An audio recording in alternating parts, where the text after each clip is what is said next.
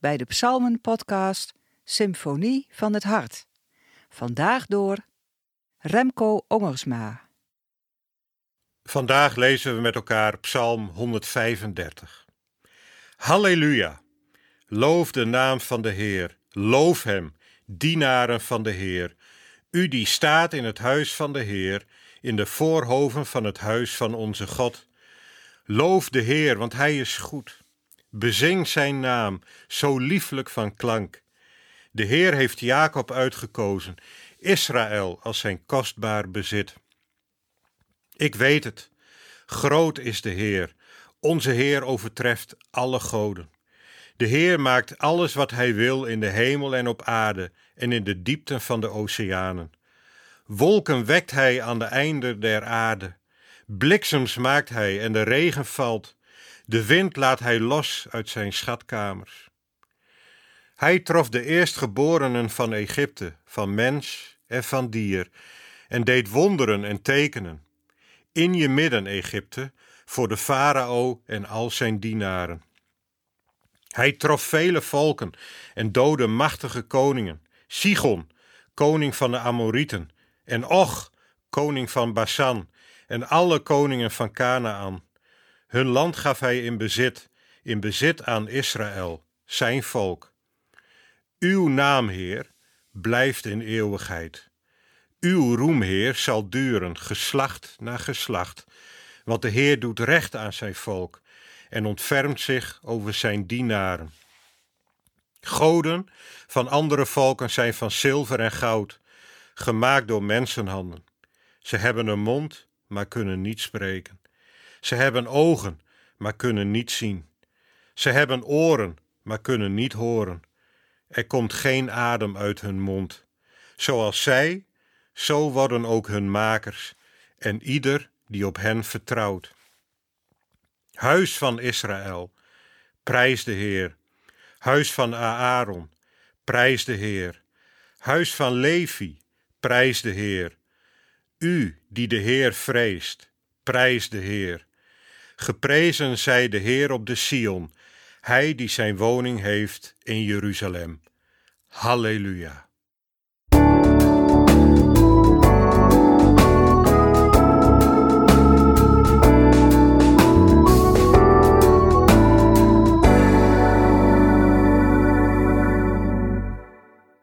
Het was voor mij jaren geleden een mooie eye-opener om het boek Negen talen van spiritualiteit van Gary Thomas te lezen. Waarbij spiritualiteit in dit christelijke boek slaat op de creatieve werking van de Heilige Geest.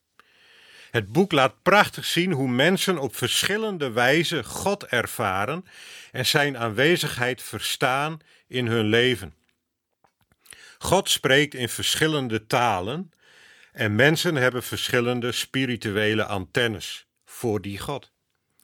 Zo zijn er mensen die God vooral zien in de natuur.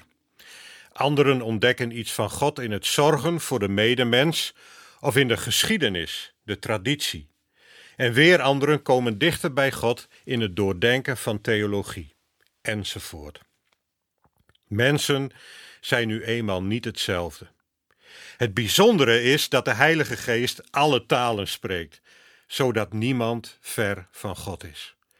Al die verschillende mensen hebben een plaats in Gods huis. Psalm 135 begint en eindigt daar ook, in Gods huis, in de tempel. Daar gebeurt het, daar komen alle lijnen als het ware samen. En de tempel wordt hier niet zozeer benoemd als doel op zich, maar als dé plek waar het volk in al haar diversiteit samenkomt met hetzelfde doel: de Allerhoogste Heer eren. Daar waar Psalm 134 nog duidelijk spreekt over de priesters die dienst doen in de tempel, wordt het hier breder. Het woord dienaren van de Heer in het tweede vers, waar de psalm het over heeft, slaat hier op het hele verzamelde volk. Dat blijkt ook uit de laatste versen, waarin naast het huis van Aaron, de priesters, en Levi, de levieten, het huisgezin van Israël, dus heel het volk, wordt opgeroepen om de Heer te prijzen.